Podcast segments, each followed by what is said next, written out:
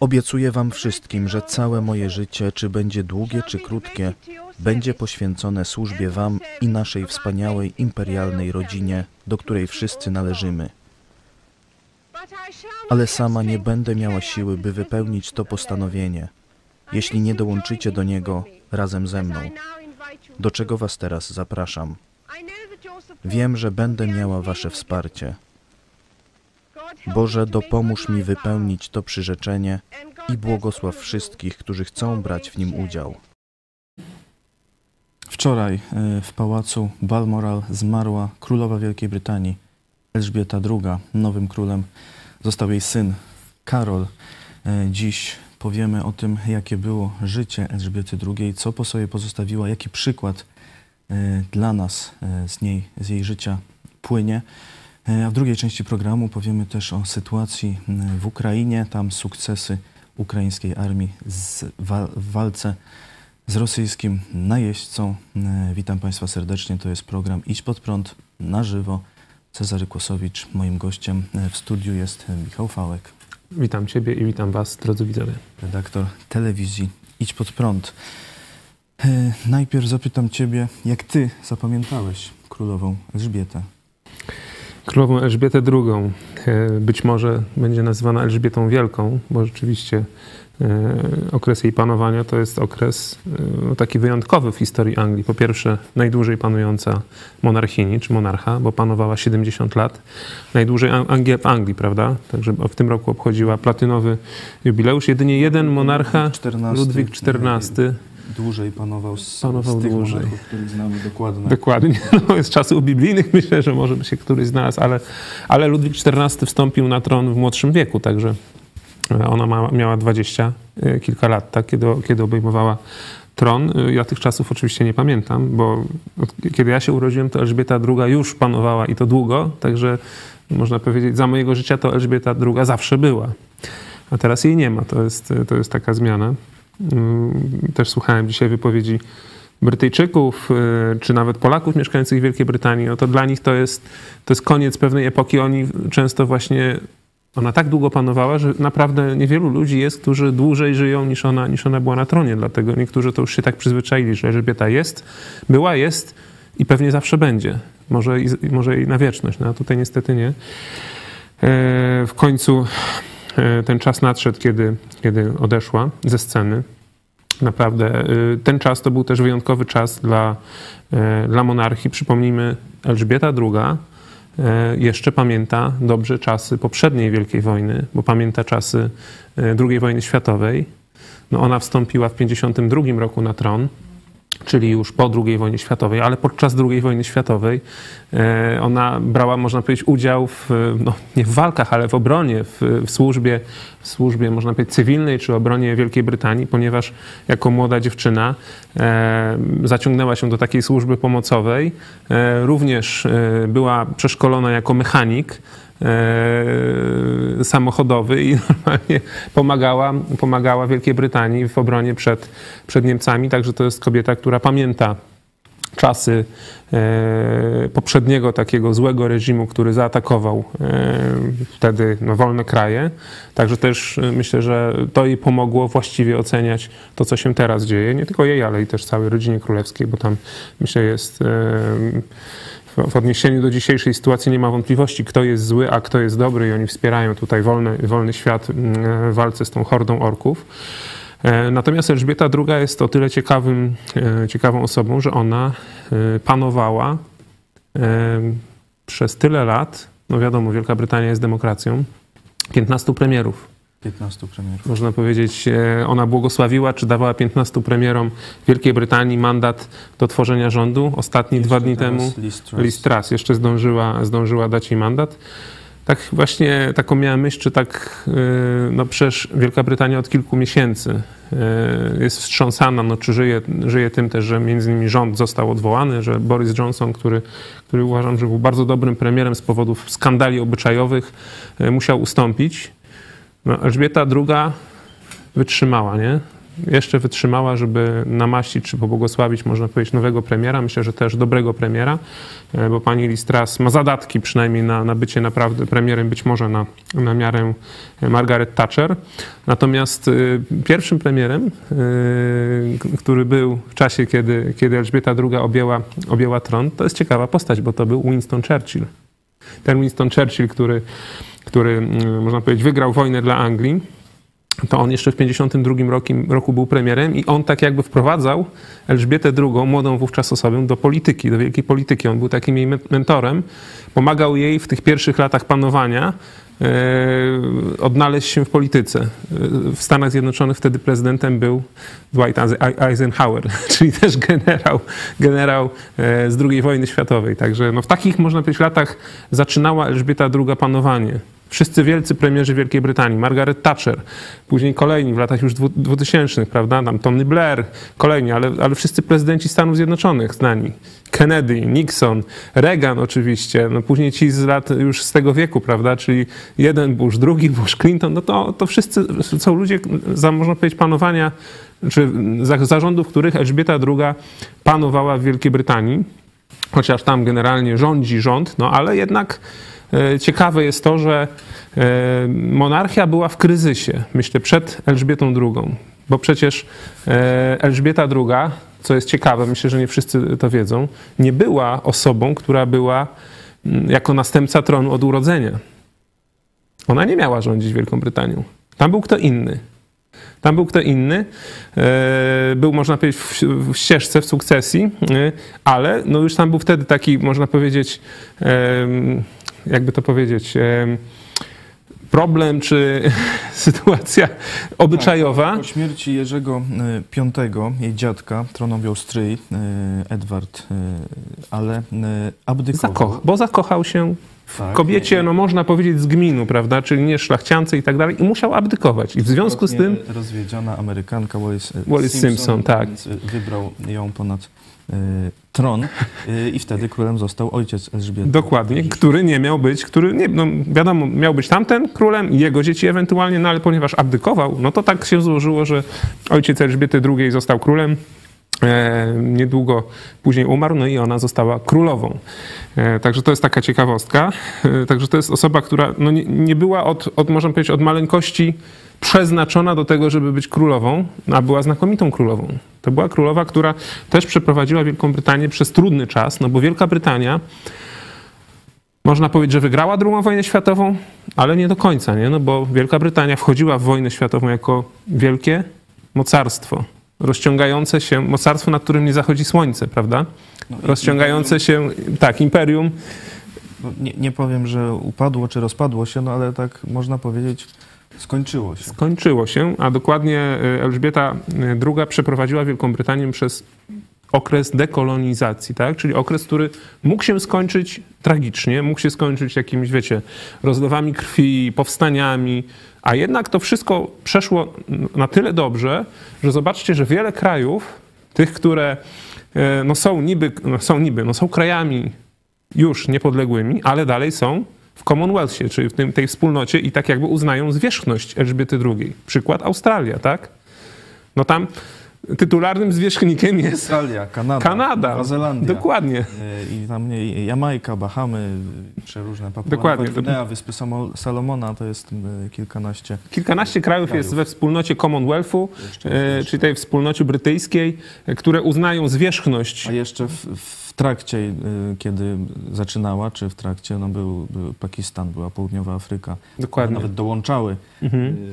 y, tak jakby w, w 50. Także to jest ciekawe. No i tutaj roku. pytanie jest, czy, Ceylon, Ghana, Nigeria, no, bardzo wiele afrykańskich y, krajów. czyli widać, że Elżbieta II jako ta osoba, która no, przewodziła dynastię no i rzeczywiście prowadziła ją, potrafiła utrzymać mimo takiego, można powiedzieć, rozpadu trochę tej, tego imperium, że wiele krajów uzyskało niepodległość, no ale to była już, już był czas, lata 50., szczególnie tych ruchów narodowościowych w Afryce, w Azji, no, ca, na całym świecie po wojnie, kiedy się y, kolonie rozpadły, przecież wiele krajów europejskich miały kolonie, wszystkie te kolonie uzyskały praktycznie niepodległość. Niewiele bardzo kolonii zostało, szczególnie w Ameryce tam y, południowej są, jest, jest jeszcze kilka. No i y, można powiedzieć w miarę pokojowy sposób Elżbieta II przeprowadziła swój kraj w tym okresie. Na tyle dobrze, że te kolonie wcale nie, nie są wrogie wobec Wielkiej Brytanii. Tylko dalej są, są więzy takie przyjaźni często, wspierania się, nawet przecież w konfliktach zbrojnych. Jeżeli Wielka Brytania gdzieś uczestniczy, to zaraz idą Australijczycy, Nowozelandczycy, Hindusi często i tak dalej, nie? Kanadyjczycy. Kanadyjczycy. E, Dokładnie. Jak najbardziej. E, Choć są głosy w Kanadzie, e, żeby już e, zerwać z tą Tak. z tym zwyczajem. Tak. Tu wszyscy, no, była taka powiedzmy niepisana umowa, zwyczaj, że no, dopóki Elżbieta żyje, to jeszcze Nie ruszamy tego tego nie tematu. ruszamy, no ale czy teraz pod Karolem III to przetrwa? Myślę, że, że już właśnie mm, te kraje będą chciały, część krajów będzie chciało zerwać z tym i rzeczywiście to pokazuje na wielkość Elżbiety, że ona była tak szanowana, że nie było tego tematu. A nawet jeżeli był, bo zdaje się, że chyba w Australii było głosowanie, chyba nawet dwa głosowania były w historii już nad tym, żeby tak jakby zerwać z tą zależnością od korony brytyjskiej, czy no, pod, pod bycie pod władaniem korony brytyjskiej formalnym. I były głosowania, jakieś referenda i nie przechodziło to. Jednak ludzie, myślę, że to właśnie osoba Elżbiety II powodowała no jej, to, że ona była taką naprawdę no, ikoną. Ona nie miała osobiście jakichś skandali i tak dalej. W rodzinie królewskiej zdarzały się przeróżne wpadki. To o tym pewnie będziemy mówili. Natomiast Bardzo, bardzo ona się zdarzały. to rzeczywiście tak jak w tym, y, w tym nagraniu, którym, które, y, które było, to była kobieta, która poświęciła swoje życie Wielkiej Brytanii. E, Tak, to było nagranie z 1947 roku, kiedy jeszcze nie była królową. Dokładnie. E, Była księżniczką. W Bodajże 21 21 urodziny lat, tak, wtedy. e, powiedziała właśnie te słowa. Obiecuję, że całe moje życie, czy będzie długie, czy krótkie, będzie poświęcone służbie wam i naszej imperialnej rodzinie. W, no i dotrzymała słowa, pewnie nie, no, nie wiedziała właśnie, czy będzie Mhm. długie, czy krótkie. Było bardzo długie. Tak.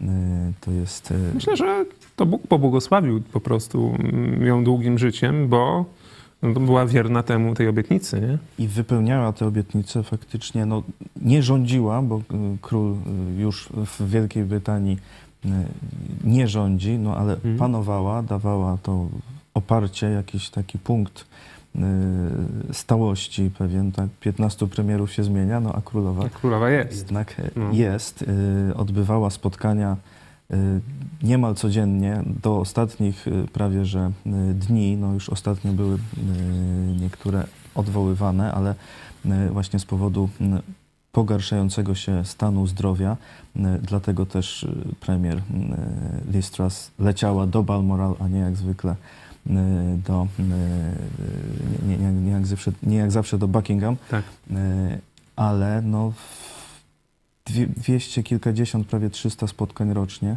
Mhm. y, przemówień, y, cały czas y, no, przygotowana y, właśnie z tym spokojem, Z, często z poczuciem humoru z niesamowitym. poczuciem To jest- e, humoru. Jej, Y, można, jej komentarze do wielu prezydentów to są po prostu no, takie perełki, nie? Kobieta pięknego charakteru. Pamiętamy też y, z Igrzysk Olimpijskich to nagranie z Jamesem Bondem, jak skakała Jak skakała. ze śmigłowcem ze spadochronem. No właśnie. Także takie, takie nagranie też powstało, więc widać to poczucie humoru. Co do tych skandali, y, nie chcę dziś omawiać skandali tam z jej, jej dzieci czy wnuków, Tak. y, to wiadomo, ale no, no, ona poznała swego męża chyba mając przyszłego 13 męża lat. 13 lat. Y, Pobrali się w końcu.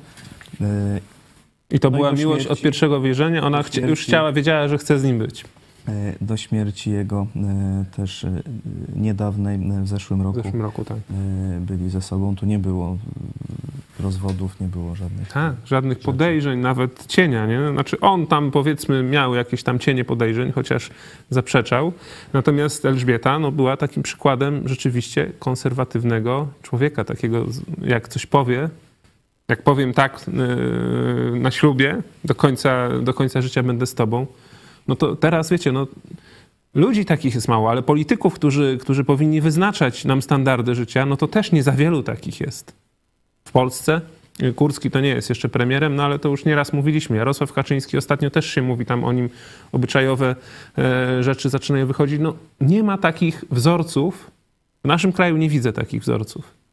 W niewielu krajach, można powiedzieć, są tacy ludzie, którzy mogli być wzorcem też takim obyczajowym, konserwatywnym, stałości, e, podążania za zasadami, właśnie honorowania słowa, no, no takim właśnie, tak jak, tak jak ludzie mówią, że na niej się można było oprzeć.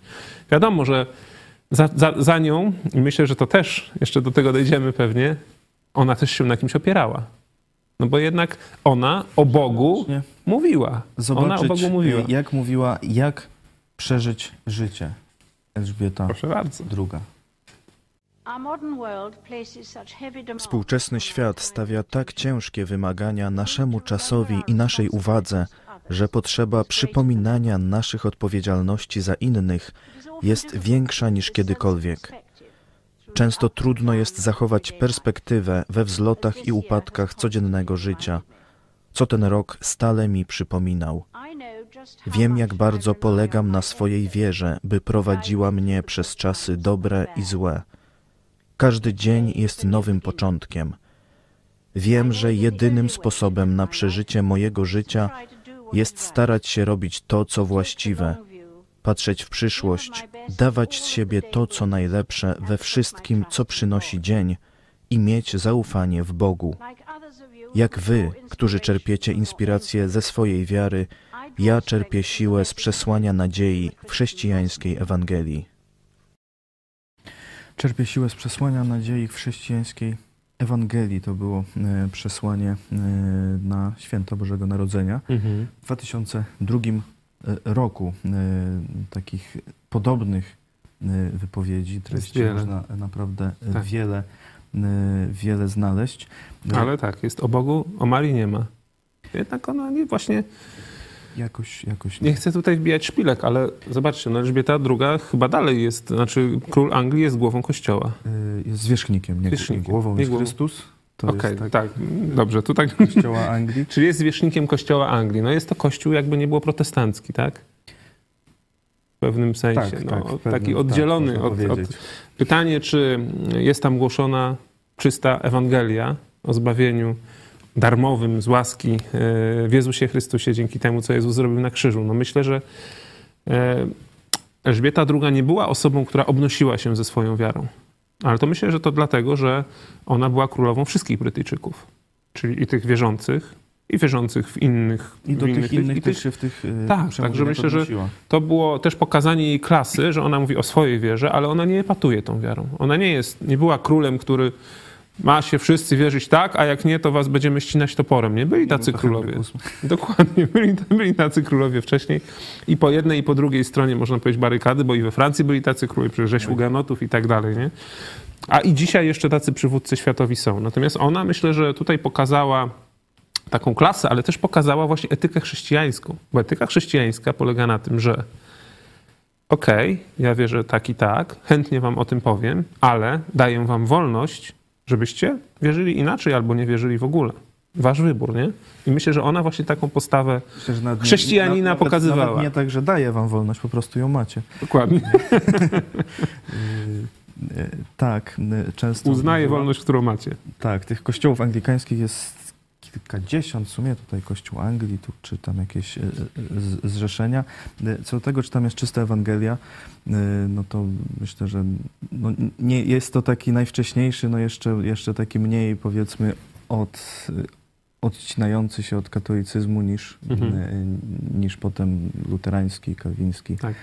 i tak dalej, a na pewno dużo mniej niż późniejsze już kościoły ewangeliczne. W każdym razie ale widać wyraźnie, nawet w tym, co ona mówi, yy, skupienie na Chrystusie, mhm. nie na jakichś tam innych. Tam wspomina czasem, wiadomo, katedry, obraz, tam Tak. Madonna, coś, yy, ale zaw- zawsze mówi przykład z Chrystusa, yy, z Ewangelii, z życia Jego. No, nie, to, to jest tam zdecydowanie cały czas prze- przebija przez, jej krótko mówiąc, jest szansa, że się spotkamy z Elżbietą II w niebie.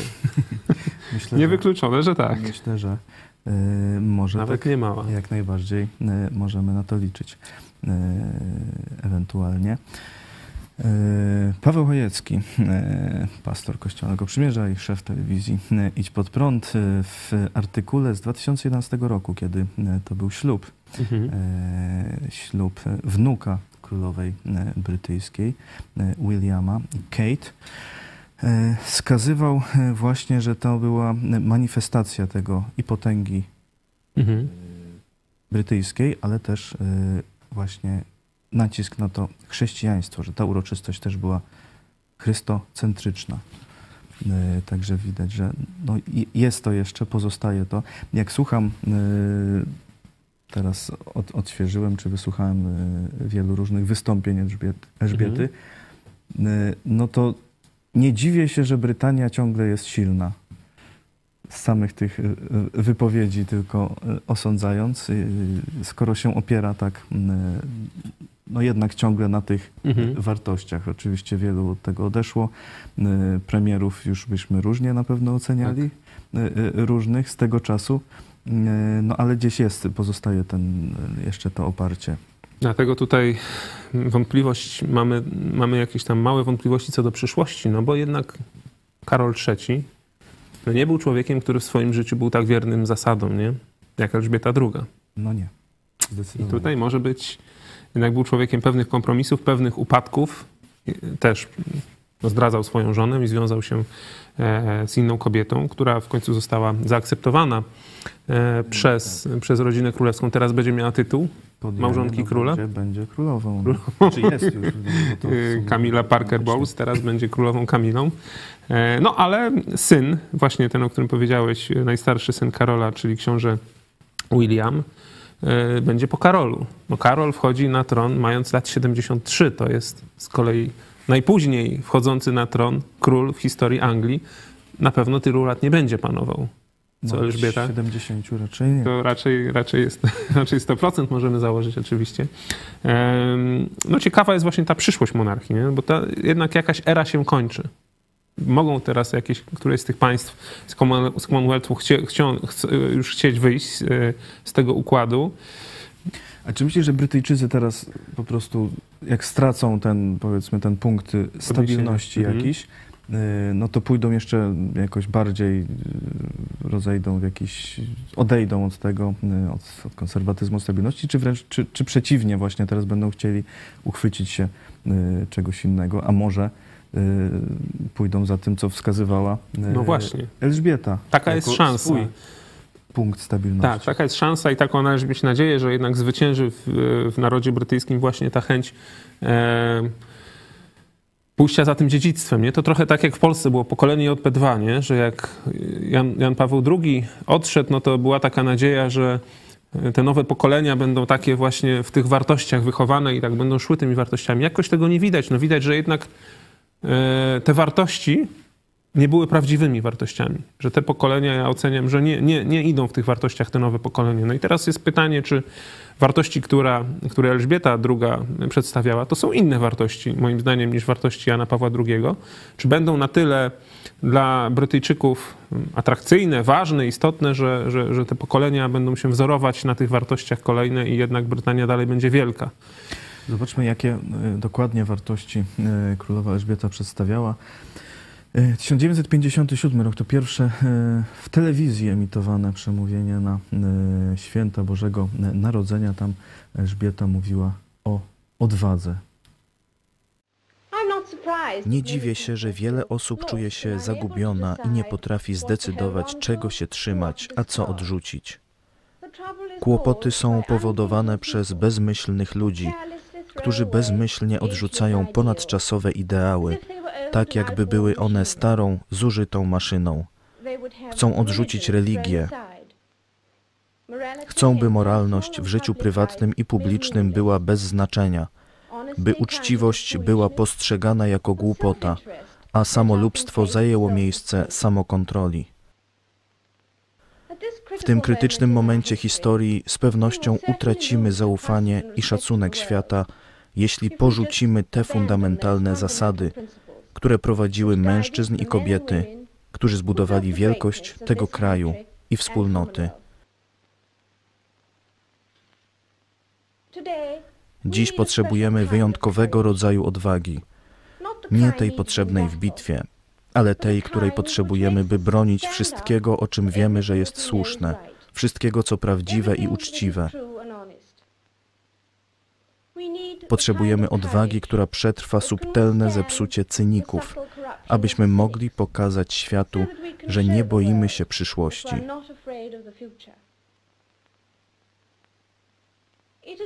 Zawsze łatwo było nienawidzić i niszczyć. Budować i kochać jest o wiele trudniej.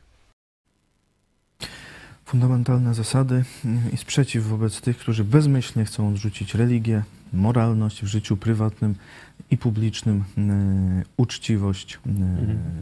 egoizm e, wstawić w miejsce samokontroli. To myślę e, głęboka e, dość Tak. też myśl. 65 lat temu to było powiedziane. E, I ciągle działa. ciągle działa, nie? I widać, że no Brytania, Wielka Brytania się no, trzyma, no bo jednak e, wyszła z Unii Europejskiej. Myślę, że to jest też w pewnym sensie zasługa e, jakiegoś takiego dziedzictwa, czy tych zasad, które, mm, które Elżbieta II e, proponowała, czy przedstawiała, bo to na dobre wychodzi Wielkiej Brytanii. Jednak nawet w chwili tej, tej teraźniejszej próby, którą mamy, czyli próby związanej z wojną, z nową dużą wojną, Wielka Brytania jest jednym z niewielu krajów, czy nawet można powiedzieć naprawdę jednym z kilku krajów. Myślę oprócz Polski i państw bałtyckich jakby razem wziętych, to chyba to jest dla mnie jeden z trzech krajów, y, które, na których można polegać. I to wyjście z Unii Europejskiej, to, to, to, to Wielkiej Brytanii na dobre wychodzi, bo z powrotem uzyskali tak jakby taką niezależność i spojrzenie szersze y, na, na globalne sprawy, nie? Nie, niezwiązane, już są, nie, nie są tak uwiązani, tak? My w sumie jesteśmy uwiązani, ale no, dzięki Bogu jakoś tam, przy- przynajmniej tutaj reagujemy właściwie ze względu na to, że sprawa też nas dotyczy, tak? To na, nas, nasi sąsiedzi y, walczą i my jesteśmy zagrożeni, tak samo państwa bałtyckie. No, Natomiast Unia Europejska tutaj słabo zdaje ten egzamin. Stany Zjednoczone zdają egzamin, chociaż moim zdaniem nie tak dobrze jak Wielka Brytania. Na swoją miarę mogłyby robić więcej, nie? No ale tutaj też nie jest źle. No i to też myślę, że jest sukces. To, co teraz się dzieje z Wielką Brytanią, to też jest sukces Elżbiety II.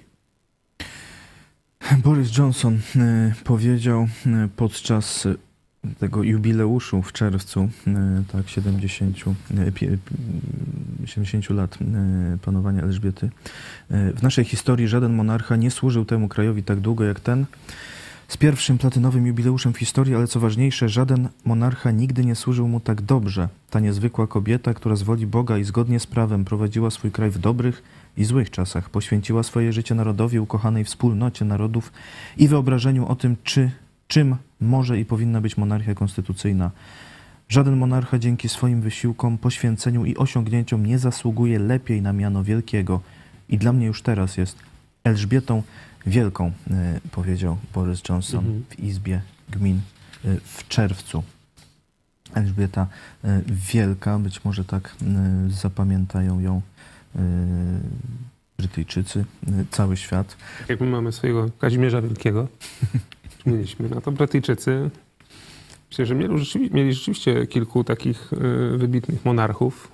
No, Nawet ten Henryk VIII, tak? No, oderwał Anglię wówczas od, od Rzymu, nie? Henryk VIII w ogóle Także ciekawa. zrobił wielką rzecz, Na ale później Elżbieta I, Też najpierw dostał tytuł obrońcy wiary od papieża, a potem się... Później Elżbieta I, która, y, która przecież też mm, to był wie- wielki czas, później przecież królowa Wiktoria, cała epoka wiktoriańska mówi się, no ale jednak chyba Elżbieta II będzie tą Elżbietą Wielką i ich takim tym panteonie władców królów naj, no, takim naj, najznamienitszym, najzna- najznamienitszym władcą. E, Pastor Paweł Chojecki pisał e, wtedy w 2011 roku. Okazuje się, że tak naprawdę tęsknimy za stabilnością, naturalnymi wartościami, tradycją i duchowym aspektem naszego życia. Gdyby tylko media i tak zwane autorytety prezentowały właściwy, klasyczny model kultury, dałoby się jeszcze zawrócić demoralizujący trend propagowany przez postępactwo. Być może właśnie w tym celu zorganizowano z taką pompą ślubne uroczystości kościelne i ceremonię weselną Williama. I Kate to jasne wskazanie, jaką rolę odgrywa chrześcijaństwo w historii i teraźniejszości Imperium Brytyjskiego. E, Zobaczmy, posłuchajmy jeszcze e, ostatniego fragmentu e, królowej Elżbiety, co mówiła o Chrystusie. Dla mnie nauczanie Chrystusa i moja osobista odpowiedzialność przed Bogiem są podstawą, na której staram się budować moje życie. Ja, tak jak wielu z Was, w trudnych czasach czerpię wielkie pocieszenie ze słów i przykładu Jezusa. Dla mnie życie Jezusa Chrystusa, Księcia Pokoju, którego narodziny dziś świętujemy, są inspiracją i kotwicą w moim życiu. Miliony ludzi podąża za Jego nauczaniem i obiera Go jako światło kierujące ich życiem. Jestem jednym z Jestem Jestem jednym z tych ludzi, e, którzy podążają Mm. za nauczaniem Chrystusa, obierają Go jako światło kierujące ich życiem. E, Dla mnie to kotwica e, w moim życiu. Tak mówiła Elżbieta, to po kolei 2000, 2014, 2016 e, e, rok. Wy piszecie też nam e, swoje myśli, swoje wspomnienia. Proszę, możecie e, dalej oczywiście na czacie przekazywać, jakie Wy macie e, wspomnienia o królowej Elżbiecie, czy myśli teraz po jej śmierci. Wolfchild, dokładnie, zawsze była. Józef, druga wojna, była kapitanem. Waldemar Kukliński, nigdy więcej nie będzie takiej drugiej osoby, jaką była Elżbieta II. Józef, była kiedyś na pierwszej wycieczce w Szkocji. Turyści z USA, którzy ją spotkali, zapytali, czy widziała królową. Odpowiedziała, ja nie, ale on tak, wskazując na ochroniarza. No właśnie, to i poczucie humoru. Zresztą była raz też w Polsce. Marcin, nawet jej poczucie humoru miała, miało e, klasę. Tak, była w Polsce, powiedziała po polsku e, w Sejmie, przemawiając, żeby Tak. Polska e, Była była, Polską. Polską. I później Też- wspominała, że jak była w Polsce, była w Krakowie, to padał śnieg. Pamiętała coś takiego. Ale tak, taką słyszałem dzisiaj informację. To był chyba 96 Szósty rok. Tak. Mhm. No i wtedy mówiła właśnie, że ona była orędownikiem też tego, żeby Polska była w NATO, no też w Unii Europejskiej. No chodziło o to, o to, żeby wyrwać się spod e, wpływu e, Moskwy czy Rosji i wejść w struktury e, zachodnie. I była orędownikiem tego, żeby Polska została przyjęta do struktur zachodnich i wojskowych, i politycznych. Tak, powiedziała, Polska potrzebuje Europy, ale także Europa potrzebuje Polski. Wspominała wojnę, wojna nas połączyła, ale potem podzieliła, bo rok 1945 nie wszystkim przyniósł wolność, tym bardziej, więc cieszyliśmy się z odzyskania przez Polskę pełnej e, suwerenności. Jako kraje o żywych, narodowych kulturach i tradycjach musimy unieść się na fali zmian, jaka przetacza się przez nasz kontynent, ale także dostosowując się do tych zmian, musimy zachować to, co w tych narodowych tradycjach jest dobre i warte zachowania, żeby Polska była Polską. E, Tak e, mówiła Elżbieta e, II w 1996 roku w polskim parlamencie. E, Mamy zdjęcia e, z Londynu, jak e, ludzie gromadzą się, by e, upamiętnić e, swoją e, królową. E, Możemy e, zobaczyć. Wy piszecie, e, Marcin, nawet jej poczucie humoru miało klasę. O, widzicie, Mhm. Pod Pałacem jak to wygląda. Choć jest deszcz, to y, wielu ludzi tam y, przychodzi. No, wczoraj przez ten deszcz była tęcza. Tak. przed ogłoszeniem tej y, informacji. To też Śmierci. ciekawe. Widać też, że Wielka Brytania to jest poważny kraj, bo kraj był przygotowany na tę informację. No, wiadomo, no, należało się spodziewać ze względu na wiek Elżbiety II, że ten czas na, nastąpi prędzej czy później, ale ciekawe, że była przygotowana ścisła procedura na ten no, moment. Te procedury to mają naprawdę przygotowane na wszystko. To jest bardzo ciekawe, nie? Bo Kto się ma pierwszy dowiedzieć, tak? Że pierwsza się ma dowiedzieć pani premier. E, Że kto e, może i w jakiej kolejności e, jakiś komunikat wydać, prawda? Jak ma być właśnie ogłoszenie, że tam będzie tak skromnie, tak? Że na przykład została właśnie wywieszona na drzwiach na ogrodzeniu do pałacu Buckingham taka po prostu kartka, nie? Dla ludzi, że odeszła, umarła w tym i w tym dniu królowa angielska, także całe procedury były przygotowane. No, teraz oczywiście tam długość żałoby i tak dalej. Przyjazd, pogrzeb, pogrzeb Tak, ma być tak, przyszłą y, niedzielę. wszystko jest dokładnie ustalone. No, Brytyjczycy są naprawdę generalnie cały ten system y, przygotowany na różne y, okazje. Królowa miała na przykład gotowe przemówienie na wypadek wojny atomowej, mhm. y, w razie czego gdzieś kiedyś to wyciekło. Także tam no, po prostu jak coś się dzieje, to wyciągają procedurę i, i mogą działać.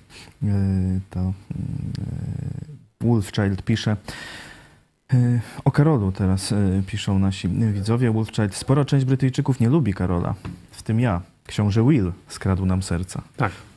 William właśnie, dlatego tak mówię, jeżeli życzymy Karolowi, żeby panował jak najdłużej, no ale Karol właśnie w tej dynastii całej był takim słabym ogniwem. Elżbieta nie bardzo chciała, znaczy no nie było w ogóle tematu jej abdykacji właśnie dlatego, że ona nie bardzo chciała, żeby on panował. Mhm. Czyli ona znając go najlepiej wie, że może być słabym królem. Natomiast jej wnuk, yy, najstarszy, William, no to jest taka osoba, która rzeczywiście wygląda na takiego konserwatystę i człowieka z zasadami, tak? Służył w armii, E, bodajże chyba w marynarce, nie w lotnictwie służył, z tego co pamiętam. Zresztą każdy mężczyzna w rodzinie królewskiej ma obowiązek odbyć służbę wojskową. Królowa e, też odbyła. no, też. E, ożenił się, ma dzieci, wiedzie porządne życie, można powiedzieć. Tam nie ma żadnych skandali i tak dalej. Także wygląda na takiego człowieka, który może też być w przyszłości kiedy zostanie królem, zapewne w, miarę młodym wieku, no bo tak spodziewamy się, że jeżeli y, Karol III ma lat 73, no to za te kilkanaście lat prawdopodobnie y, książę y, William zostanie królem. I to może być jeszcze czas, za te kilkanaście lat z powrotem yy, takiego wzrostu. No tak, tak ja przewiduję, no bo rzeczywiście teraz może być czas trudny dla, dla monarchii, chyba że właśnie jeszcze to dziedzictwo i to wspomnienie, że realizujemy dziedzictwo Elżbiety II, czy powiedzmy jej wolę i tak dalej, żeby monarchia e, trwała i żeby Wielka Brytania dalej była, e, była tutaj silnym krajem. Zobaczymy, jak to będzie. Na pewno życzymy Brytyjczykom dobrze, oni też do Polski e, mają dobre nastawienie i Boris Johnson miał bardzo dobre nastawienie, oczywiście Elżbieta II tak samo i premier Liz Truss też ma dobre nastawienie do Polski. E, jest szansa na sojusz, ten polsko-ukraińsko-brytyjski, prawda? To by było coś wspaniałego, uważam, taki sojusz, sojusz jakiś taki lokalny, militarny, jeżeli Ukraina nie zostanie przyjęta do NATO, a NATO się nie zanosi, bo przecież Niemcy, Scholz obiecał Putinowi, że My, do, my dopilnujemy tego, żeby Ukraina przez kilkadziesiąt lat nie została przyjęta do NATO. Także Niemcy i Francuzi będą na nie, ale Brytyjczycy mogą zrobić tutaj coś poza Niemcami i Francuzami razem z nami. E, Rafał, co do króla Karola, to mam przypuszczenie, e, że w Brytanii znowu zaczną podnosić się głosy zaprzestania finansowania rodziny królewskiej, a w szczególności Kamili. Po rozmowach z Anglikami to czekają na Williama. Dokładnie, to to co mówimy. E, Rafał odnosi się do tego, e, co mówiła królowa. Ile razy w życiu słyszałem, że bycie uczciwym jest głupotą i się nie opłaca. E, Paweł, jako emigrant zawdzięczam jej stabilność, której uczyłem się od niej za każdym razem, gdy działo się z Anglią coś niepokojącego. Mhm. Stabilność no, o tych, tych słów y, królowej, tych y, rzeczy można by wspominać y, długo, ale myślę, że już ten temat teraz skończymy. Te słowa Jezus kotwicą życia myślę, że możemy zapamiętać. Wy oczywiście piszcie jeszcze swoje, swoje przemyślenia i wspomnienia, ale my przejdziemy do e, sytuacji w Ukrainie. Tam się dzieją e, dobre rzeczy. E, no, Ukraińcy gonią Rosjan aż miło, tak wynika Bolszewika goń, goń, goń. Jakie, jakie słyszymy, co tak. tam się dzieje. Dzieją się naprawdę wielkie rzeczy i wygląda na to, że generał Załużny i cały sztab ukraiński no, dokonali naprawdę majstersztyku, no bo wszyscy spodziewali się wielkiej ofensywy pod Chersoniem która zresztą była ogłaszana i prezydent Załański mówił, że będzie ofensywa w celu odbicia Hersonia. Ruscy tam wysłali całe wszystkie swoje najlepsze siły. Około 20 BTG, czyli tych batalionowych grup taktycznych rosyjskich jest e, koło Hersonia. Co Ukraińcy robili, to o tym już niejednokrotnie mówiliśmy, że zaczęli odcinać, izolować pole walki, rozwalili mosty, zaczynali tam rozwalać sztaby, punkty zaopatrzenia i tak dalej, tak żeby tych orków, to jest około 20 tysięcy orków, złapać w pułapkę. No i później poszła ta kontrofensywa na Hersoń.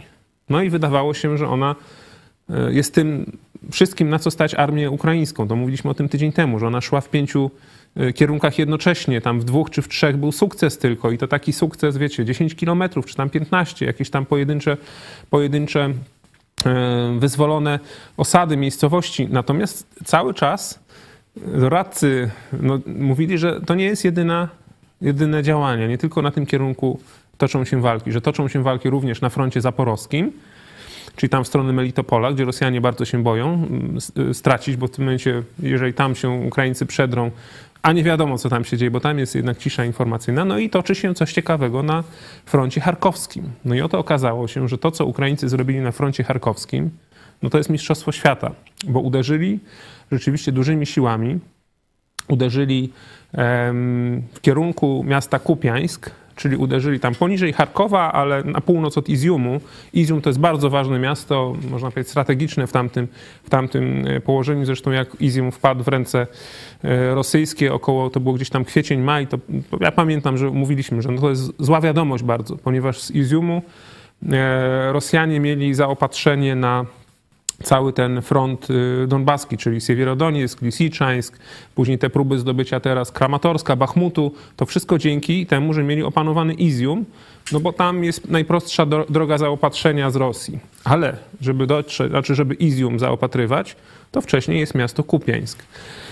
I okazuje się, że Ukraińcy zrobili uderzenie bardzo silnymi siłami, bo tam jest sześć brygad zaangażowanych, z czego jedna jest brygada pancerna, trzecia brygada pancerna to jest taka nowa brygada właśnie zapasowa, można powiedzieć, która była tworzona. Ona, co ciekawe, walczy na polskich czołgach, czyli na tych z polskich czołgach T-72 zmodernizowanych, to właśnie te czołgi, tam tych czołgów e, szacuje się, że jest w tym momencie około tam kilkudziesięciu, mocne kilkadziesiąt, e, walczy na tym kierunku. Oprócz tej trzeciej brygady pancernej jest jeszcze jedna brygada zmechanizowana i dwie brygady powietrzno-desantowe, także te cztery brygady to jest tak jakby oś ciężkiego uderzenia i są dwie brygady zabezpieczające flanki, tak, czyli brygada tam jest obrony terytorialnej Gwardii Narodowej, i takim, można powiedzieć, klinem Ukraińcy uderzyli w stronę Kupiańska, zdołali jednej doby zrobić wyłamanie na głębokości 40 kilometrów. To jest naprawdę bardzo dużo. Tam po prostu przejechali się po tych orkach. Yy, to jest właśnie prawdziwy blitzkrieg, nie? Tym bardziej, że Rosjanie, no właśnie, myśląc, że będzie się działo wszystko, co się będzie działo, to będzie się działo w Hersoniu, tam wycofali wszystkie silne jednostki. No i tam zostały tak zwane mobiki. Mobiki to są takie zmobilizowane jednostki, głównie e, gdzieś tam z Ługańska, z, z Ługandy i z Donbabwe, tak jak mówimy. Czyli to są ludzie bez doświadczenia bojowego często, nieuzbrojeni, niewyposażeni, tylko tacy zapełniacze okopów, żeby Ukraińcy myśleli, że tam jakaś siła jest. No to są tacy zapełniacze okopów. No i Ukraińcy tam poszli, tak jak widać. Rozwijało. To jest bardzo duże, e, bardzo duże w tym momencie włamanie jest takie. Dzisiaj ja przed samym programem widziałem, już są zdjęcia ukraińskich żołnierzy przy tablicy z napisem Kupiańsk. Czyli w tym momencie, co to znaczy? Jeżeli Kupiańsk, który tutaj widzimy, zostanie zdobyty, a jest szansa, że zostanie zdobyty w ciągu 48 godzin, to Izium, który jest poniżej, no zobaczcie, tutaj jest taka bardzo, jest taka mm, zbiornik wodny szeroki, to jest e, no, widzicie, to jest zbiornik, który nie pozwala zaopatrzać, zaopatrywać tego e, frontu mm, wschodniego, tak jakby dla Ukrainy. I tutaj tego miasta Izium, które jest poniżej, tu jest właśnie taka droga, sieć kolejowa i tak dalej. W Iziumie w tym momencie szacuje się, że jest 10 tysięcy żołnierzy rosyjskich. Mhm. Jeżeli Ukraińcy zdobędą Kupiańsk, to ci żołnierze praktycznie mają tylko jedną drogę zaopatrzenia i ewakuacji. Czyli może być tak, że wkrótce około 10 tysięcy żołnierzy rosyjskich zostanie odciętych, nie? Że tam też jakieś Ogromna strata. oddziały specnazu też zostały zniszczone, e, złapane czy zniszczone. E, choć był to specnaz taki policyjny, może nie, nie, nie frontowy. Tak zwany SOBR. Mhm. Ale tutaj też jest bardzo jedna ciekawa informacja i bardzo ważna informacja, która ma duże znaczenie. to jest to, że wczoraj pojawiły się zdjęcia, że Ukraińcy e, wzięli w plien, czyli wzięli do niewoli jakiegoś tam oficera. On był w mundurze porucznika. Wydawało się, że to taki zwykły porucznik. No a później okazuje się, to są, tutaj trwają dywagacje, bo niektórzy twierdzą, że to nie jest ten, chociaż no tak jak patrzy się na zdjęcia, no to mi się wydaje, że to jest ten, o którego chodzi, a ten, o którego chodzi, to jest generał. Generał Andrzej Syczewoj, dowódca Zachodniego Okręgu Wojskowego. Rozumiecie, co to znaczy? Dowódca Zachodniego Okręgu Wojskowego, czyli to jest generał, który dowodził całym radzieckim Zachodnim Okręgiem Wojskowym, czyli to jest grupa można powiedzieć, kilku czy tam armii, czy no, no, korpus i tak dalej. To jest ogromna, ogromne zgrupowanie wojskowe i generał dowodzący tym zgrupowaniem wpadł, ale nie tylko on wpadł, ale wpadł z całym, można powiedzieć, z całymi tym, co generał ma ze sobą. A generał ma ze sobą, szczególnie taki generał, bardzo dużo ważnych informacji. Bo mówi się, że Ukraińcy przechwycili również um, dokumenty tego generała, dokumenty sztabowe. Wiecie, taki generał to może mieć dokumenty, a na pewno ma dokumenty, po pierwsze, kogo zabić, czyli te listy który, ludzi, których trzeba zlikwidować. To Ukraińcy teraz mają. Po drugie, zapewne ma dokumenty, co należy ukraść i komu wysłać. Po trzecie, może mieć dokumenty, kto jest naszym agent, kto jest naszą agenturą i niekoniecznie tylko tu na miejscu, bo może mieć również dokumenty, kto jest naszą agenturą na przykład gdzieś indziej, może nawet w Europie, tak? Taki generał może mieć również dokumenty, jakie są nasze cele prawdziwe, operacyjne, taktyczne i strategiczne. Także te dokumenty, które były razem z tym generałem i które już teraz są w posiadaniu sił ukraińskich, to jest bardzo ważna rzecz. To jest coś, co, co jest bardzo pilnie chroniono, można powiedzieć, tajemnicą. No i w tym momencie Ukraińcy już to mają, tak? To po, to po pierwsze. Po drugie, Kupiańsk, który właśnie niedługo myślę, że wpadnie w ich ręce, tam z kolei jest sztab całej armii. To też jest miejsce, można powiedzieć, ten, ten wyłom i prędkość, w którym oni, w jakiej oni, e, jak daleko zaszli Ukraińcy, to jest tak, taki cios dla Rosjan, że oni się mogą już potem nie pozbierać militarnie. Bo tak, w Chersoniu mają odcięte około 20 BTG, których tam powoli, powolutku, tam się Ukraińcy nie śpieszą, bo po co, po co swoje siły marnować, ich tam powoli niszczą, nie? E, zauważcie, jakie są straty Rosjan w ostatnich dniach. Wcześniej to było tak, że było 100, 200, jak było 300, to było dużo. W ostatnim tygodniu straty ruskich są 400 osób, Dziennie. Dziennie. 450, a wczoraj było 640. To był rekord, tak? I to są straty, można powiedzieć, podawane przez stronę ukraińską, weryfikowalne. A myślę, że wiele strat jest nieweryfikowalnych przez Ukraińców, bo nie są w stanie zweryfikować na przykład liczby rannych, którzy gdzieś tam uciekli, albo. Także mm, Ruscy zaczęli tracić i siłę żywą, i y, możliwości prowadzenia walki teraz w, w prędkości naprawdę no w, dużej, w, dużej, w dużym stopniu i bardzo szybko się to dzieje. Czyli to jest krytyczny e, moment wojny, to był, i w tym momencie inicjatywa jest w rękach ukraińskich. A to jest bardzo ważne, bo kto ma inicjatywę, no ten ma szansę prowadzić wojnę według swoich, e, swoich planów. to atakuje, są dobre wieści. Kto nie atakuje, ten nie, nie wygrywa. To są dobre wieści. Ruscy mm, komunikaty gdzieś tam na tych kanałach Telegramu i tak dalej, to są po prostu e, jedna wielka panika i przestrach. Zresztą to, co. Nie no, Putin powiedział, się... że niczego nie stracili A. jeszcze na Ukrainie. To, co dzieje się w Europie, to pokazuje, że jest bardzo źle u ruskich, bo przecież co się dzieje? E, po pierwsze, skamlenie o rozmowy. To Ruscy teraz proszą, no już rozmawiajmy, rozmawiajmy, zakończmy wojnę. Po drugie, w wielu krajach europejskich są manifestacje, nie? Za pokojem. W Pradze wielka manifestacja, 70 tysięcy ludzi, organizowana przez skrajną prawicę oczywiście, tak? Czyli przez ichniejszą konfederację, e, powiedzmy, tak? W Niemczech jakieś manifestacje, Niemczech, w, w Hiszpanii... Na Nord Streamem i tak dalej. Tak, w Hiszpanii, czyli Ruscy już w tym momencie uruchamiają wszelkie swoje agentury, sowicie opłacane przez lata, w krajach Europy, po to, żeby doprowadzić do rozmów pokojowych, do zamrożenia konfliktu, bo wiedzą, że Ukraińcy uzyskali momentum i oni w tym momencie, mając inicjatywę, w ciągu najbliższego miesiąca, dwóch, trzech tygodni, mogą ich tam zmieść po prostu. Ciekawe rzeczy się też dzieją w Petersburgu. To jest super informacja. W Petersburgu grupa miejskich radnych chce zwrócić się do e, Dumy Państwowej Rosji, czyli do parlamentu, z propozycją oskarżenia prezydenta Władimira Putina o zdradę. od zdradę stanu i postawienie, i postawienie go w stan oskarżenia i żeby go złożyć z urzędu. Znaczy już się zwrócili, bo już jest taki dokument podpisany e, z tego co wiem przez 7 z 10 radnych miasta. Co ciekawe, to taka a propos, taki drobny ten. e, Zobaczcie, e, Petersburg, miasto kilkumilionowe. Ilu ma radnych w Radzie Miasta? Dziesięciu? 10.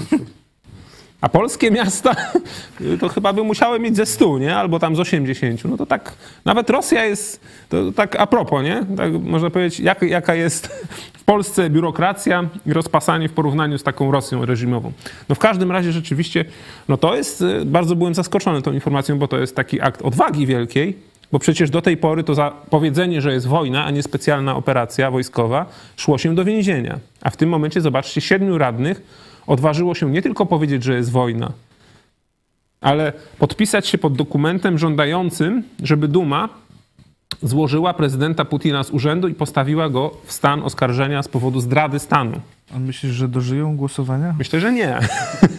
ale no, jeżeli coś takiego podpisali, to być może Czy to jest faktycznie jakaś taka samodzielna inicjatywa, czy to jakieś gry? No właśnie. Co- może to to świadczyć, chodzi? No może to świadczyć o tym, że. Rosji się nie spodziewali. No właśnie. Może to świadczyć o tym, że już coś wielkiego się tam dzieje, w tym sensie, że no to nie jest taki wybryk siedmiu samobójców, tylko że za nimi ktoś stoi. Kto im powiedział: podpiszcie to, nic wam się nie stanie, bo my zadbamy o to, że wam się nic nie stanie. My w tym momencie już jesteśmy silniejsi od Putina. I, i można powiedzieć, to tylko jest kwestia czasu, być może niedługiego, jak Putina nie będzie, nie?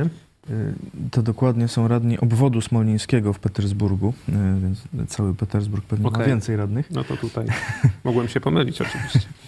Y, Może jednak jest tam większa biurokracja. Myślę, że, myślę, że w Rosji to na pewno. Naszym zdaniem od początku specjalnej operacji wojskowej na terytorium Ukrainy w działaniach prezydenta Federacji Rosyjskiej Władimira Putina istnieją oznaki przestępstwa, właśnie zdrady stanu i stwierdzili, że y, no, to ma przeciwny skutek do deklarowanego, bo miała być niby demilitaryzacja Ukrainy, a jest Militaryzacja. odwrotnie, a jeszcze do NATO dołączają kolejne kraje. To blisko Petersburga właśnie, znaczy Sankt Tak Petersburg. Tak, tak. No, jakie powody nimi powodowały, czy jakie dają argumenty, to już jest, można powiedzieć, kwestia wtórna, bo te argumenty są takie, że nie są takie, że jesteś przestępcą, że źle zrobiłeś yy, w tym sensie, że nie wolno było napadać, tylko że cele, które powiedziałeś, że osiągniesz, to teraz ich nie realizujesz, wręcz odwrotnie, czyli można powiedzieć, zarzucają mu pewną tam nieskuteczność być może celów, Yy, no ale rzeczywiście jest to krok taki, można powiedzieć, albo samobójczy, albo bardzo odważny, bo być może mm, mają podstawy, czy y, ochronę jakąś, czy podstawy sądzić, że no nie, nie, nie, wypadną szybko z okna w szpitalu, jak to ostatnio się zdarza. E, Tymczasem doniesienia z frontu e, od strony rosyjskiej są takie, że e, rosyjscy żołnierze nawet chcieliby się wycofać, tylko z tyłu strzelają do nich ich koledzy. Z Czeczenii? Kadyrowcy, tak. Tak, tak, tak, tak Tak jest. poinformował e, Serhii Chłań, e, wiceszef Rady Obwodu Chersońskiego, lojalny wobec e, Ukrainy, wobec Kijowa. Mhm. Czeczeńskie formacje tzw. kadyrowców są wykorzystywane na południu Ukrainy jako oddziały zaporowe, które mają strzelać do wycofujących się rosyjskich żołnierzy. No dokładnie jak Jak NKWD w II wojnie światowej. II wojnie Tak. światowej. Też stwierdził, że oni po prostu się nie nadają do walki, nadają się tylko do tego, żeby do swoich strzelać. Może tak być, no bo to są ci tak zwani wojownicy z TikToka, nie? Wszystkie te firmy na TikToku to gdzieś tam strzelanie w powietrze nadają się do, mm, do y, gwałcenia, mordowania, rabowania. No i tyle. Tam już nie będziemy rozwijać, bo temat dzisiaj poważny. Też doniesienia o, e, e, agen- agenc- od Agencji Energii Atomowej, e, że w zaporowskiej elektrowni atomowej oni tam e, no, dotarli w Mhm. końcu i mają tam zostać na stałe.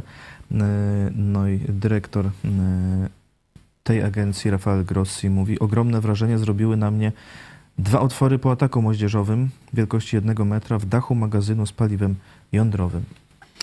Tak, chociaż na przykład strona ukraińska zarzuca, no tak jakby wyraża niezadowolenie, że ten raport no nie wzywa do takich jednoznacznych, ostrych działań, na przykład do tego, żeby usta- ustanowić em, strefę zdemi- zdemilitaryzowaną, żeby tam weszły jakieś, powiedzmy, nie wiem, e, wojska, które będą zabezpieczać, żeby tam nie było ani powiedzmy Rosjan, ani Ukraińców, tylko jakieś tam neutralne siły. Czyli raport wzywa do tego, żeby się dogadać, nie? Że owszem, raport krytykuje Rosję i mówi, że Rosja tam jest agresorem, no ale wzywa do tego, żeby załatwić to poprzez dogadanie się Rosji z Ukrainą. Tak mniej więcej można powiedzieć. Mówiliśmy wielokrotnie, że chyba największym niebezpieczeństwem dla Ukrainy to właśnie nie jest e, ta walka e, zbrojna, bo tu e, Rosjanom dają radę, jak widać, Mhm. coraz lepiej, Tak. ale właśnie te jakieś próby nacisków, żeby Tak.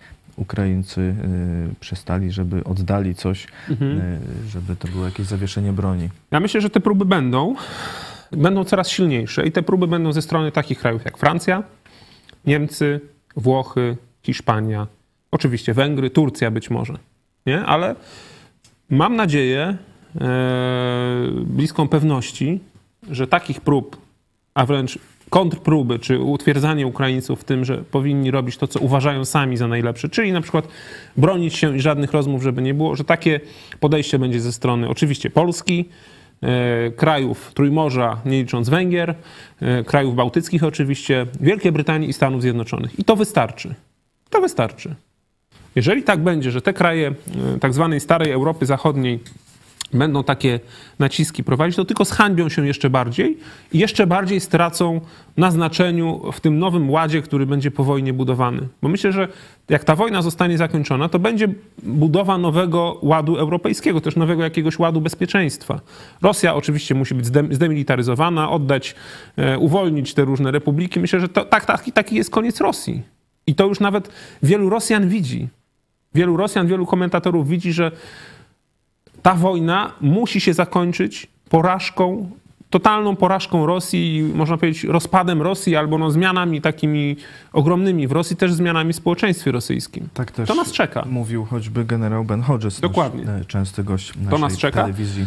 I myślę, że również nas czeka takie nowe spojrzenie na Europę Zachodnią, na przywódców Europy Zachodnich, na wartości, którym, którymi oni żyją, że tylko dla nich jest istotne, że zasady nie są ważne. Ważne jest, żeby mieć taniej, rop, tanią ropę i tani gaz, żeby się rozwijała nasza gospodarka kosztem innych. Przecież to jest polityka Niemiec ostatnich 20-30 lat. No ta polityka też już zbankrutowała i wszyscy to już widzą. Coraz więcej państw to widzi. Myślę, że skończy się to tym, że Niemcy osłabią, no, strac, stracą na znaczeniu i to też jest bardzo dobra wieść dla nas w kontekście na przykład reparacji. No bo kiedy do tej pory Niemcy trzęsły Europą i wszyscy tam cichutko na paluszkach przy Niemcach, nie można złego słowa o Niemcach powiedzieć, taka sytuacja była, no to jak tu od nich się upomnieć o reparacje? A kiedy, można powiedzieć, ich e, polityka zbankrutowała i ich e, stracą też na, też na znaczeniu, no to może będzie tak, że w końcu więcej państw będzie w stanie im powiedzieć prosto w twarz: Panowie, zarabiacie świetnie od wielu lat. Na tanim rosyjskim gazie żeście jechali, łupiliście całą Europę, ogromne kokosy żeście, żeście sobie no, zarobili, to teraz jest okazja, żeby zapłacić reparacje. To też może być dobra okazja dla Polski w końcu. by zapłacić e, reparacje. E, I Niemcy mają okazję, i Rosja mają okazję, Rosja ma e, okazję. A propos jeszcze reparacji, bo mm, przypomniała mi się jedna rzecz, to też pokazuje słabość Rosji i jak to Ukraińcy wykorzystują, bo Rosjanie są w tak tragicznej sytuacji, że wyobraźcie sobie, że wezwa- zwołali zgromadzenie, znaczy Radę Bezpieczeństwa Narodu, y, Organizacji Narodów Zjednoczonych, spotkanie, chyba na dzień dzisiejszy. Po co? Po to, żeby zaprotestować przeciwko temu, że Zachód dostarcza broń Ukrainie. Wiecie, państwo, które napadło, które w ogóle, którego nie powinno być w tym gremium, jak Rada Bezpieczeństwa, które być może jest tam nielegalnie, to o tym też już mówiliśmy, czy oni mają mandat, żeby w ogóle być w ONZ-cie, zwołuje Radę Bezpieczeństwa i będzie się skarżyć, że Zachód dostarcza broń. To znaczy, to pokazuje, w jakim są krytycznym, krytycznej sytuacji. A Ukraińcy chcą wykorzystać tę okazję, żeby e, na forum ONZ-u w końcu przeprowadzić rezolucję, jakieś tam formalne wnioski i wezwania, czy jak, no coś, co pomoże w sposób legalny przejąć te 300 miliardów dolarów i przeznaczyć je na reparacje. No, że tak może być. E, życzymy im powodzenia. E, modlimy się cały czas za zwycięstwo e, Ukrainy. Pray for Ukraine. To widzicie cały czas obok naszego logo w każdym programie. Jeszcze wracając do królowej, od naszych widzów komentarze Rafał przekazuje zdjęcia z Edynburga, flagi opuszczone do połowy, mnóstwo służb na ulicach, widać gorączkowe przygotowania na przybycie trumny z ciałem królowej. E, wtedy może też zjawią się tłumy Szkotów, którzy chcieliby oddać jej e, honory. E, dojście do zamku jest całkowicie zamknięte. Katedra w Edynburgu również zamknięta. W niej będzie wystawiona trumna na 24 godziny. Tak pisze Rafał z Edynburga. Mamy też komentarz Mariusza. Wczoraj u mnie w pracy niektórzy ludzie, nie tylko Anglicy, nie potrafili powstrzymać łez. Widać, że jest to szok dla Brytyjczyków, ewidentnie koniec pewnej ery. Johnny pisze, pewnie będzie szybka abdykacja Karola. E, I Paweł, w tym przełomowym czasie rojaliści, również ci związani z Labour Party, będą wspierać nową premier, która jest obecnie najważniejszą osobą w państwie. Karol nie będzie tak wybitnym przywódcą. Tak, a myślę, że e, Listras już pokazała, e, nawet na początek jej rządów, to jest raptem kilka dni, ale już jej pierwsze przemówienia, ale i to, co wcześniej prezentowała jako minister e, spraw zagranicznych w rządzie Borisa Johnsona, pokazała, że ma naprawdę zadatki na to być kolejną żelazną damą, tak? czyli pójść w ślady nie Elżbiety II, bo myślę, że to nie jest inna jej... rola. Tak, inna rola, ale pójść w ślady Margaret Thatcher. Tak mówi, że się na niej e, wzoruje. No i też tutaj, oby, oby tak było. Też się można o to modlić. Oby tak było. Silna Wielka Brytania to jest dla Polski bardzo dobra wiadomość. Naprawdę to jest bardzo dobra wiadomość dla Polski. Bo silna Wielka Brytania to jest po pierwsze wsparcie tutaj tego frontu wschodniego, można powiedzieć, czy flanki wschodniej NATO, czyli wsparcie Polski, Ukrainy w walce z ruskimi, ale to też jest e, wsparcie Polski w tych zmaganiach z Francją i z Niemcami, które nas czekają na pewno. Billy Graham, gdy mówił o e, królowej, Billy Graham, największy chyba ewangelista współczesny, jeśli chodzi o liczbę ludzi, do których mhm. dotarł, e, mówił: Nikt w Brytanii nie był nam bardziej życzliwy niż królowa. Zawsze widziałem, że jest bardzo zainteresowana Biblią i jej przesłaniem. I jeśli Wy też jesteście zainteresowani e, Biblią, to w najbliższą niedzielę możemy wspólnie e, czytać e, Biblię. W, takie, takie spotkania mają się odbyć w Lublinie na Placu Litewskim o godzinie 11.30 w niedzielę, w Warszawie w Ogrodzie Saskim o godzinie 11.00 i we Wrocławiu na bulwarze Ksawerego Dunikowskiego również o 11.00. Zapraszamy Was serdecznie. Wspólne czytanie e, Biblii. E, a dziś o 18 e, także czytanie Biblii, studium pierwszego listu do Koryntian, kolejna część z pastorem Pawłem Chojeckim. Czy mam do Was przyjść z rózgą? Polecamy, zapraszamy na 18. Także ogłoszenie dla Ameryki. Grupa misyjna Kościoła Nowego Przymierza w Lublinie jest w Ameryce. Zachęcamy Polonię do kontaktu. Będzie można się umówić na jakieś spotkanie. E, piszcie na adres kontakt małpa.ispodprat.pl e, Zachęcamy też e, wszystkich, nie tylko Amerykę, do kontaktu telefonicznego numer 536 813 435 lub mail telewizyjny kontakt małpa.ispodprat.pl Telefon odbiera Michał Fałek, dyktuje jeszcze raz, jeśli długopisy czy telefony chwyciliście teraz w rękę, by zapisać 536 813 435. Zapraszam do kontaktu. Dzwonią ludzie, miałem kilka bardzo fajnych rozmów w ostatnim tygodniu. Różne tematy, czasami takie polityczne, czasami gospodarcze, czasami są to ludzie, którzy oddali życie Jezusowi i się zgłaszają e, po raz pierwszy właśnie tak zachęceni. E, postaram się odebrać, a jeśli nie będę mógł odebrać, bo proszę yy, zrozumieć, że czasami yy, teraz jak ktoś dzwoni, no teraz jest nie odbierzesz. ten telefon. Nie odbiorę, ale też no ja też prowadzę, pracuję normalnie każdego dnia. Jeśli nie ma mnie tutaj w telewizji, to zazwyczaj jestem w pracy. w ciągu dnia. Także może być tak, że nie, nie odbieram, nie odbieram, ale postaram się naprawdę oddzwaniać. E, także zachęcam i do tego kontaktu również ja. E, zachęcamy też do wsparcia telewizji Idź Pod Prąd. Naszym comiesięcznym celem jest tysiąc e, wpłat, tysiąc gitar, by zagrało każdego miesiąca. We wrześniu mamy już 200 według moich informacji. Finansowe wsparcie można przekazać przez zwykły przelew PayPal, DotPay, Blik, Patronite. Szczegóły na stronie itspodprod.pl ukośnik wsparcie lub patronite.pl ukośnik itspodprat. Po programie Pomyśl Dziś pastora Chojeckiego zwodzenie w formie obrazkowej i kartka z kalendarza Piotra Setkowicza utworzenie Sondergericht Bromberg, sądu specjalnego w Bydgoszczu. W Bydg w Bydgoszczy, specjalnego w Bydgoszczy, a gdzieś wchodzi w to w głowę jednak. Tak, tak. tak. E, sąd specjalny w Bydgoszczy to 1939 rok, niemiecka Bardzo okupacja. informacja. W ogóle mogę powiedzieć, że te notki historyczne, nie, to jest taka mm, naprawdę rzecz, którą myślę warto rozpropagować, nie? bo te notki, jeżeli korzystacie z Twittera, umieszczane są na Twitterze. Zresztą takie, jak i pomyśl dziś pastora Chojeckiego. Tak jest. Każdego Są dnia rano. Specjalnie w tak, tak, krótkiej formie by się W krótkiej formie jest i pomyśl dziś.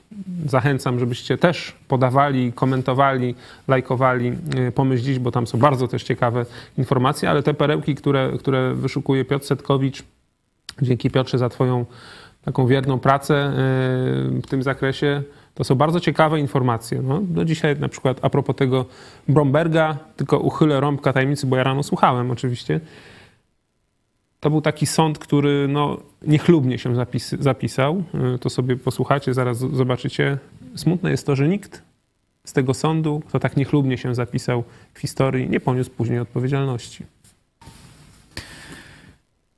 I to, po, e, to już za chwilę. E, pomyśl dziś kartka z kalendarza, a potem, e, jako że jednym z, jedna z ulubionych pieśni królowej Elżbiety to był hymn oparty na psalmie 23, a moją ulubioną piosenką też jest oparta na psalmie 23 z naszego śpiewnika, to myślę, że możemy posłuchać psalmu 23 właśnie w wykonaniu Jurka Dajuka. Znakomite wykonanie, bardzo się cieszę.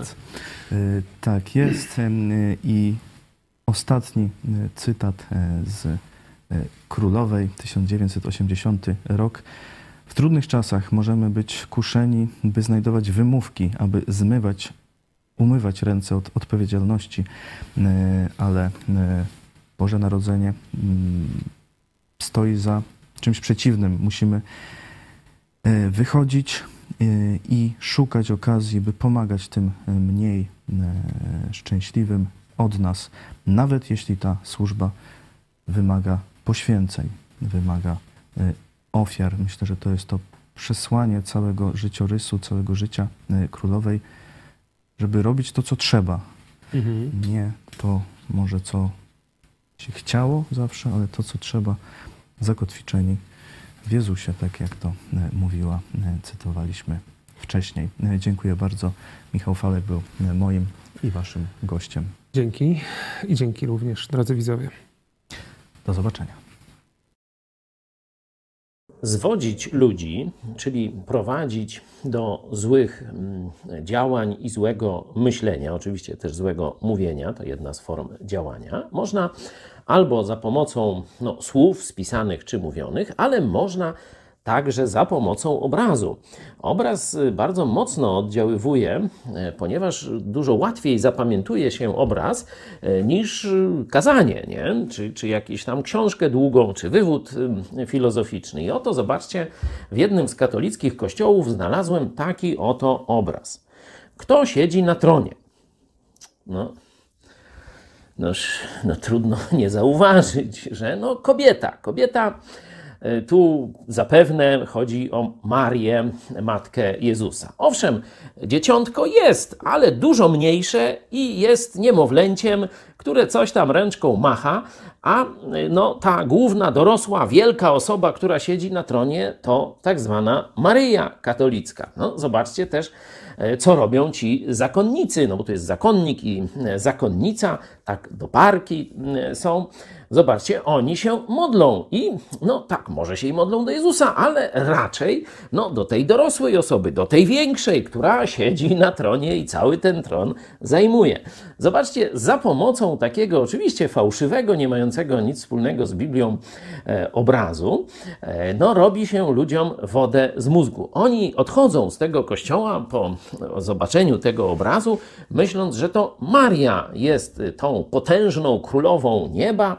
E, no, Jezus gdzieś tam może jest, ale tam mały i nie, nie specjalnie może jeszcze wszystko ogarnia, a Maria jest dorosła, jest wielka, siedzi na tronie, tu cały kościół, no bo przecież tu właśnie mnisi, czyli ludzie, którzy wiedzą jak tam jest, modlą się do Marii. Noż to co ma zrobić zwykły Kowalski? No modlić się do Marii. Widzicie więc, jak za pomocą takich obrazów można ryć ludziom berety. To jest dziś w kościele. To nie jest sprzed 500 czy 600 lat.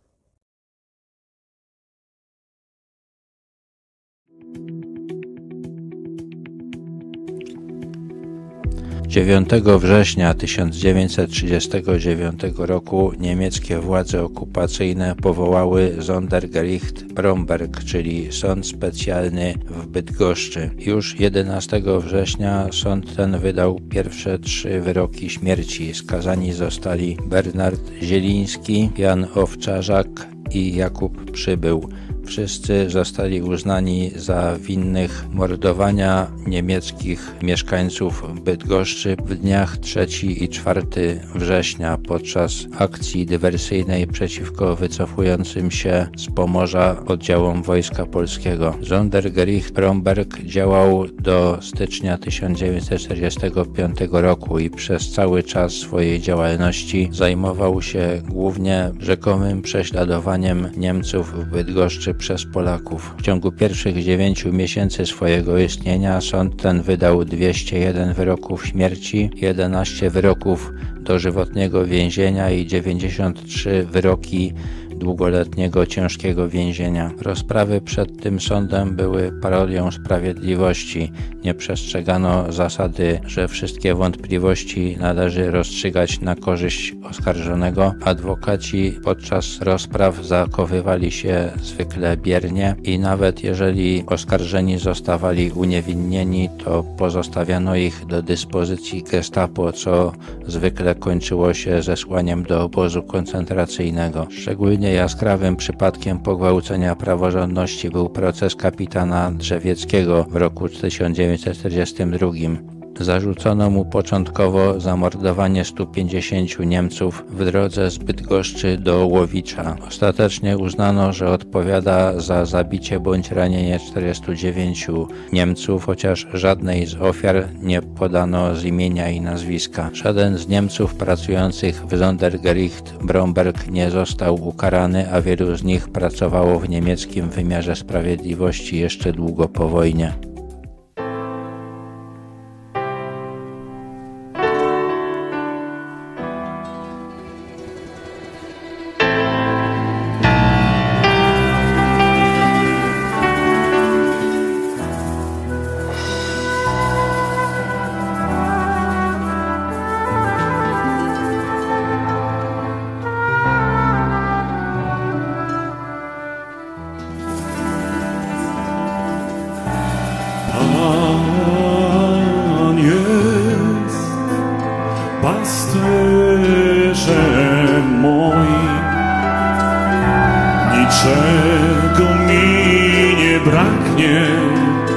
Na zielonych niwach pasie mnie. Nad spokojne wody mnie prowadzi i duszę mą pokrzepia i wiedzie mnie ścieżkami